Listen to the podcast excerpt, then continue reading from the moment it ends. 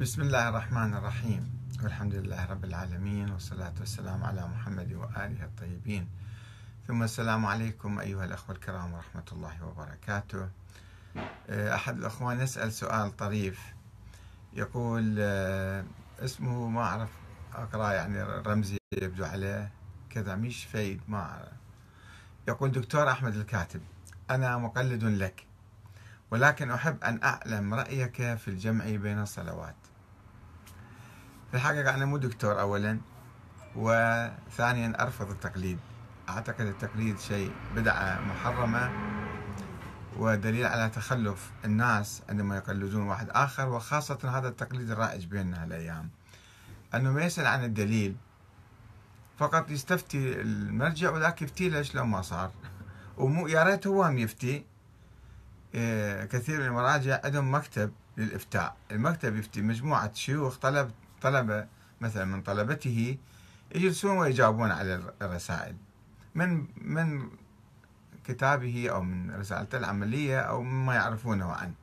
وأحيانا المرجع يستغرب عندما تصدر فتاوى من مكتبه فتاوى عجيبة غريبة وفيها عنف وفيها قتل وفيها كذا فيحاول أو تكفير لبعض الناس فيحاول أن بعدما تحدث ضجه اعلاميه يحاول أن يستدرك الأمر ويرقع المسألة أو ينفيها أو شيء من القبيل. فأو هو قد ما يكون مجتهد أساسا يسموه الناس مجتهد.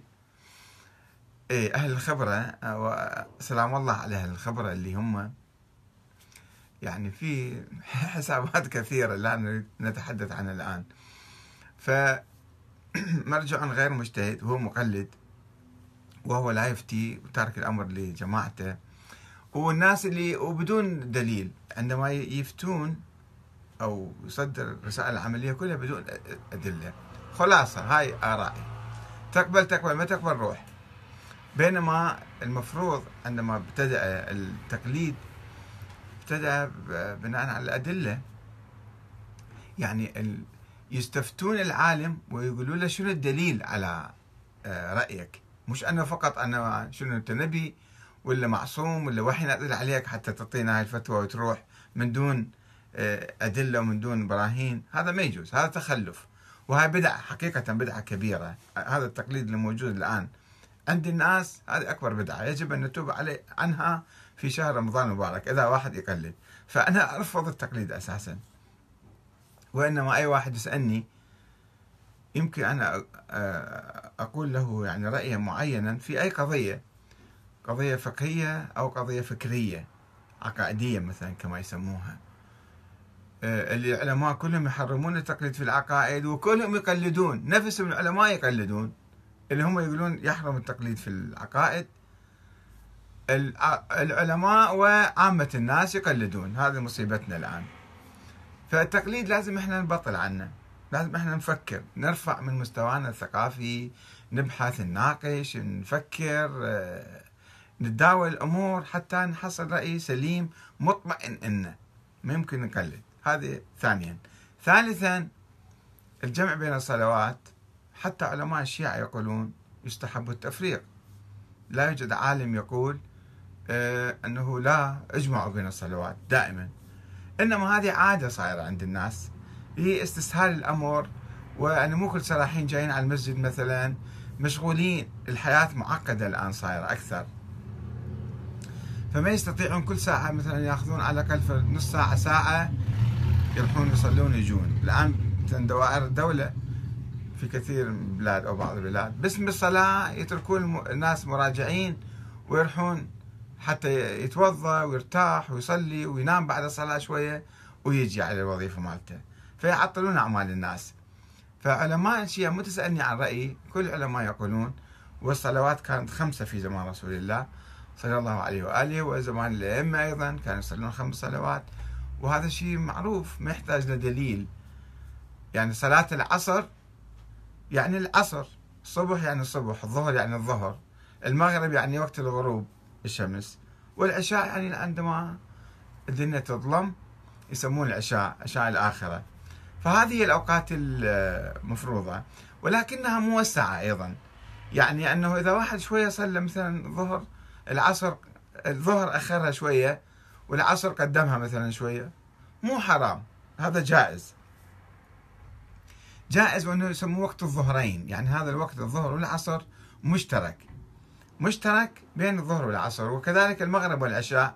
إذا واحد شوية أخر صلاته ما اقترف جرم يعني مو حرام. وكذلك إذا مثلا العشاء وعادة الآن لو تلاحظون في مساجد الشيعة يفصلون يجمعون بين الظهر والعصر ويفصلون بين المغرب والعشاء. يعني إيه، يصلون صلوات مستحبة يسبحون يقرون بعض الأدعية كذا. إلى أن يعني تقريبا إيه، العشاء يعني حين وقت العشاء حسب يعني تظلم الدنيا شوية أكثر. فيبدأون بأذان جديد. بأذان جديد و آه، يعني صلاة منفصلة. فهم يفصلون حاليا عمليا حسب ما أنا أتذكر أن كنت عايش بينهم جميعا يفصلون بين المغرب والعشاء وقد يجمعون بين الظهر والعصر ولكن ليس بفتوى أو بحكم شرعي إنما هذه عادة جارية. وهذه طبعا مو قضية كبيرة حتى إحنا يعني يعني صحيح الأفضل. هو أتذكر مرة أنا كنت في الحج مع بعض الأصدقاء العراقيين. آه، فاقترحت عليهم أن نفرق بين الصلوات. فأحد الأخوان اللي معتاد على الجمع بين الظهر والعصر مثلا استمع لي وقال طيب خلي نفصل بها صلى الظهر فقط. وراح طاف حول الكعبة أو كذا ورجع ونسي يصلي العصر. بعدين بعدين اجى يلومني قال هاي كل من وراك صلاة العصر راحت علي. فمعتاد هو أن يجمع وذاك اليوم صلى على أساس هو. بعد نسى أنه هو العصر هم لازم يصلي يصليها. فبعض الناس هكذا يعني قد يعني يجدون صعوبة أو يجدون معتادين ربما شوية شوية يتغيرون. وكذلك مثلا الشهادة الثالثة في الأذان اللي هي مشايخ الطائفة الاثنى عشرية مثل الشيخ الصدوق في كتاب من لا يحضره الفقيه اللي هو أحد الكتب الأربعة المعتبرة عند الشيعة من ناحية الأحاديث يقول أن هاي بدعة جاء بها المفوضة لعنهم الله. هذه سووها يعني بالأذان حطوها. هذا ما موجودة وهذا اللي يقولها والآن علماء الشيعة أيضا يقولون لا تقولوها بنية الأذان أو بنية الإقامة. والسيد محمد حسين فضل الله رحمة الله عليه وبعض علماء الشيخ الخالصي في, في العراق وبعض العلماء أيضا يتحرجون من ذكر الشهادة الثالثة. يقولون أشهد أن علي ولي الله ولكن ليس في الأذان وليس في الإقامة لأن تصير قضية سياسية. تصير قضية سياسية والناس الآخرين هم ينظروا لها قضية سياسية. وأتذكر عندما احتل الأمريكان العراق وحكم بريمر يقول يكتب في مذكراته يقول يعني أنا رحت إلى عمان واجتمعت بشيوخ أو علماء أو زعماء أهل السنة في عمان. الأيام الأولى كان في توتر شوية كذا. فصورت أنه عندهم مطلب وعندهم في قضية مهمة. قلت لهم ماذا تريدون؟ قالوا هاي الشهادة الثالثة اللي الآن بدأوا يذيعوها بإذاعة بغداد. هذه أحذفها. فيقول أنا استغربوا هذا بريمر. أنا شنو القضية يعني هاي؟ حتى هذا أكبر مطلب عندهم. هو الاحتلال واقع ما يناقشون؟ ذولاك الناس اللي يعني التقى بهم كما يقول هو. إيه، عندهم القضية الثالثه يعني مما يدل على أن القضية صارت سياسية. أن رمز انتصار الشيعة مثلا بالعراق ان حطوا شهاده ثالثة في الأذان والهذا في الإذاعة والتلفزيون. والآخرين رأوا فيها رمز أيضا للانتصار. فصار نوع من التسييس للأذان. بينما هو أذان واحد شهد شهادتين ويصلي وخلص بينه وبين ربه. ليش إحنا ندخل الأمور نسيس العبادة؟ وبالتالي يصير نوع من الكراهية والعنف والتوتر بين المسلمين. في, المو... في الأفضل أن إحنا آه، نصلي في كل المساجد. لو الشيعة مثلا يروحون يصلون مساجد السنة خمس مرات. شكو بيها؟ يفتحون المساجد والناس يصلون معهم وبدون رتوش وبدون زوايد وبدون هذا. فأفضل تكون العبادة لله تعالى أفضل. وما نجعل من هالقضايا الجزئية قضايا أيضا كبيرة كأنها هي فاصلة بيننا وبين الآخرين. فخلي نشوف ماذا يجمعنا. والحمد لله رب العالمين كثير من العقال أو العقلاء من كلا الطائفتين الآن الله هاديهم يعني ما يكبرون هالقضايا إلا بعض الناس اللي يظلون آه، يتمسكون بالأشياء الجزئية التفصيلية. والسلام عليكم ورحمة الله وبركاته.